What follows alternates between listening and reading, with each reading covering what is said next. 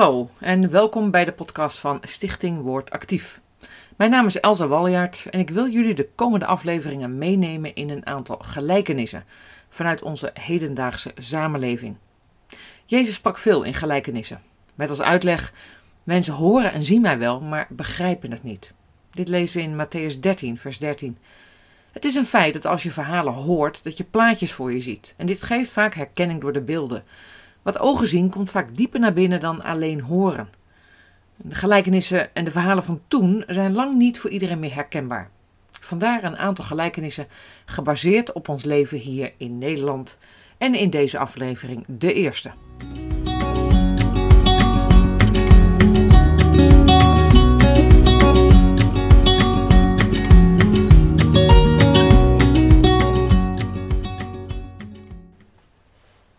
Vandaag gaan we eens kijken naar de vergelijking van het leven van Gods principes met het verkeer. En dan heb ik het over auto's, fietsen, vrachtwagens, bussen, schepen, vliegtuigen enzovoort. Er is in Nederland veel verkeer en er zijn veel regels.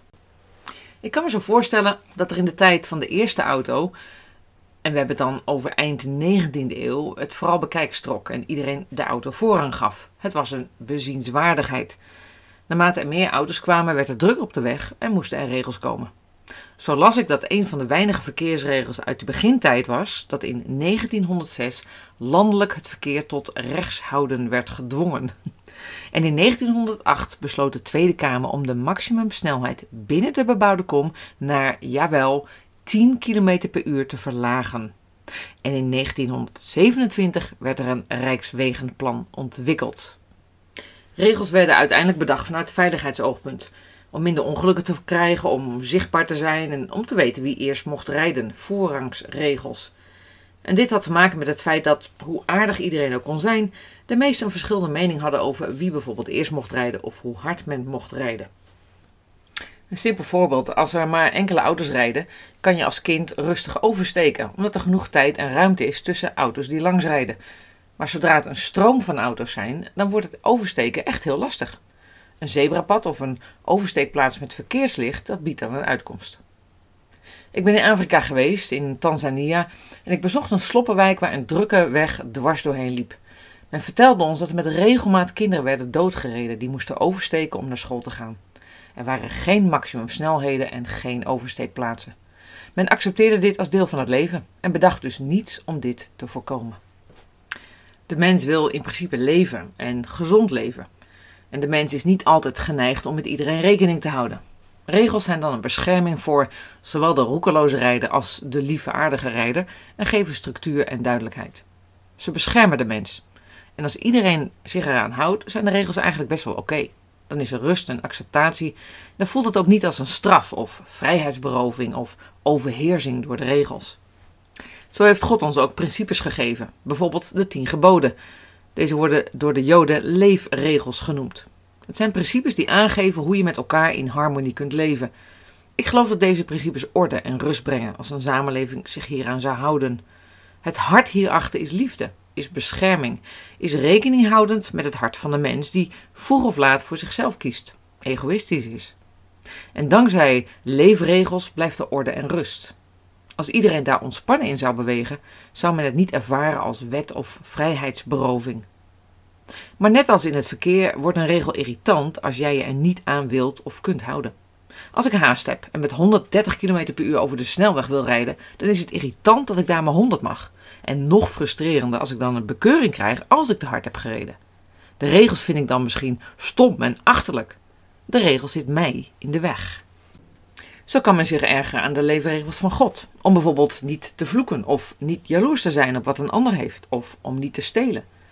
Het is het ego van de mens die vroeg of laat voor zichzelf kiest, de een meer dan de ander. Niemand zal zich perfect aan de leefregels houden, net zoals niemand elke dag perfect zich aan alle verkeersregels houdt.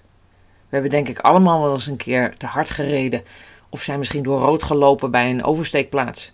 Of we hebben een full stop genegeerd bij een rustig en overzichtelijk kruispunt. Dat betekent echt niet meteen een bekeuring. Gelukkig maar. Bij God is het ook belangrijk om te weten wat zijn doel is met zijn principes. Het is zo goed om zijn hart hierin te leren kennen. God vergeeft ons als we een regel overtreden, als we dit erkennen en toegeven en vragen om vergeving. Dat is wat Jezus voor ons heeft gedragen aan het kruis. Onze overtredingen zijn teniet gedaan. En dankzij Jezus kunnen we die vrije toegang houden tot de Vader en mogen we vergeving ontvangen.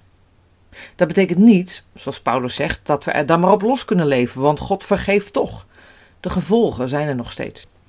Misschien krijg ik genade en hoef ik de bekeuring niet te betalen. Maar de gevolgen zijn er nog steeds als ik bijvoorbeeld door te hard rijden uit de bocht vlieg.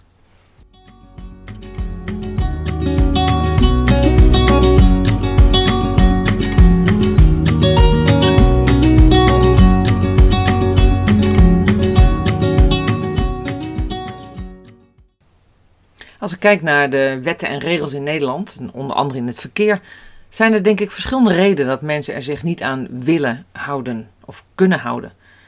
Eén is dat ze de overheid niet vertrouwen. Die zal expres de mens willen onderdrukken of onrechtvaardig willen behandelen. Of punt 2, men vindt de regels gewoon stom en ten nadele van zichzelf en zien het nut er niet van in. Of ten derde, ze ervaren het als vrijheidsberoving en willen zelf bepalen wat ze doen. En ongetwijfeld kunnen er meerdere redenen zijn. Nu is het een feit dat de overheid lang niet altijd wetten bedenkt die ten gunste zijn van de burgers.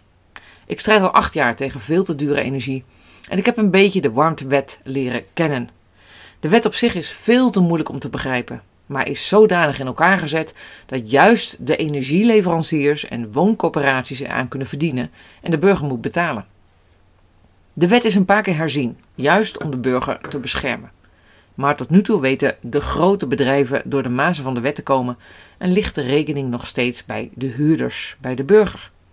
Dan doet de wet niet wat die belooft. Dus ik kan me voorstellen dat als je God niet kent of God niet vertrouwt, dat je zijn principes stom vindt of onrechtvaardig. Of je ervaart het als overheersing en controle en wil je vooral vrij zijn in wat jij doet en hoe jij leeft. Mijn ervaring met God en ook te lezen vanuit het woord van God is dat God 100% te vertrouwen is. Hij is een goede vader. En alles is gericht op perfecte liefde. En zoals ouders misschien weten, betekent je kinderen liefhebben niet dat ze alles mogen en er geen regels zijn. In de Bijbel staat in Jacobus, hoofdstuk 1, vers 17: Elke goede gave en elk volmaakt geschenk is van boven en daalt neer van de Vader van licht, bij wie er geen verandering is, geen schaduw van ommekeer.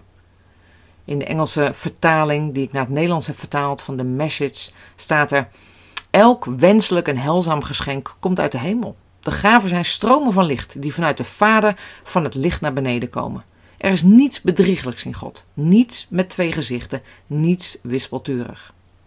En er staat er in Jacobus 1, vers 25: Als u zich blijft verdiepen in Gods wet die vrijheid brengt, en u die niet alleen goed onthoudt, maar ook naar leeft, dan zal God u zegenen in alles wat u doet. God heeft het goede met ons voor. En zoals verkeersregels ons beschermen en orde op de weg brengen, zo doen Gods principes dat ook. En het oprechte zoeken in dit alles is naar de reden van deze regels. Het hart van God is liefde en Hij weet wat het beste is voor ons. Hoe zou de wereld eruit zien als we nooit zouden liegen, nooit zouden roddelen, we niemand doden, we niet jaloers zijn, we één dag in de week echt rusten, we niet gaan echt scheiden, we niet vloeken en onze ouders eren. Het zou een samenleving zijn met zegen en voorspoed, denk ik. De nuchterheid is dat we als mens eigen verlangens hebben. Soms onoplettend zijn of soms geen zin hebben in regels. En soms door rood rijden omdat we echt haast hebben. God kent ons hart. Hij bekeurt ons niet direct op elke millimeter overtreding, want hij kent genade. Het helpt mij om te begrijpen dat er leefregels en principes nodig zijn, omdat ik het dagelijks ondervind in het verkeer. Als we perfect naar God zouden luisteren en perfect zouden liefhebben, zouden er geen regels nodig zijn. Maar we leven in een wereld waar velen graag los van God leven en doen waar ze zin in hebben. Maar in een wereld waar ook ik als gelovige verre van volmaakt ben. En ook ik overtreed Gods principes. Dan ben ik dankbaar voor zijn genade, zijn waarschuwingen door de Heilige Geest, zijn bescherming. Maar ook zijn nabijheid als ik of een ander toch een fout maakt met grote gevolgen. Er zal een dag komen waarin alles perfect is en de regels niet meer nodig zijn. Tot die tijd ben ik dankbaar dat ze er zijn en wil ik leren om samen met Gods kracht deze te volgen. Vanuit rust, vanuit ontspanning, omdat ik God de Vader vertrouw. En ook nu weer enkele vragen voor het geval je dit misschien in een huisgroep of een bijbelkring wil behandelen of samen met vrienden over wilt hebben. Vraag 1. Soms zijn er in het verkeer gevolgen voor onszelf door het toedoen van een ander. En misschien vragen we ons dan wel af: had God dit niet kunnen voorkomen? De vraag: wat zou er gebeuren als God iedereen zou tegenhouden die een ongeluk veroorzaakt? Best een diepe nadenkvraag. Vraag 2. Welke regels in het verkeer vind je irritant? En welke leefregel van God vind je irritant? En vraag 3. Kan je begrijpen dat Gods hart van liefde achter zijn principes zit? En bij welk principe vind je dat lastig om te begrijpen? Goed, dat was het voor deze aflevering. Tot de volgende keer.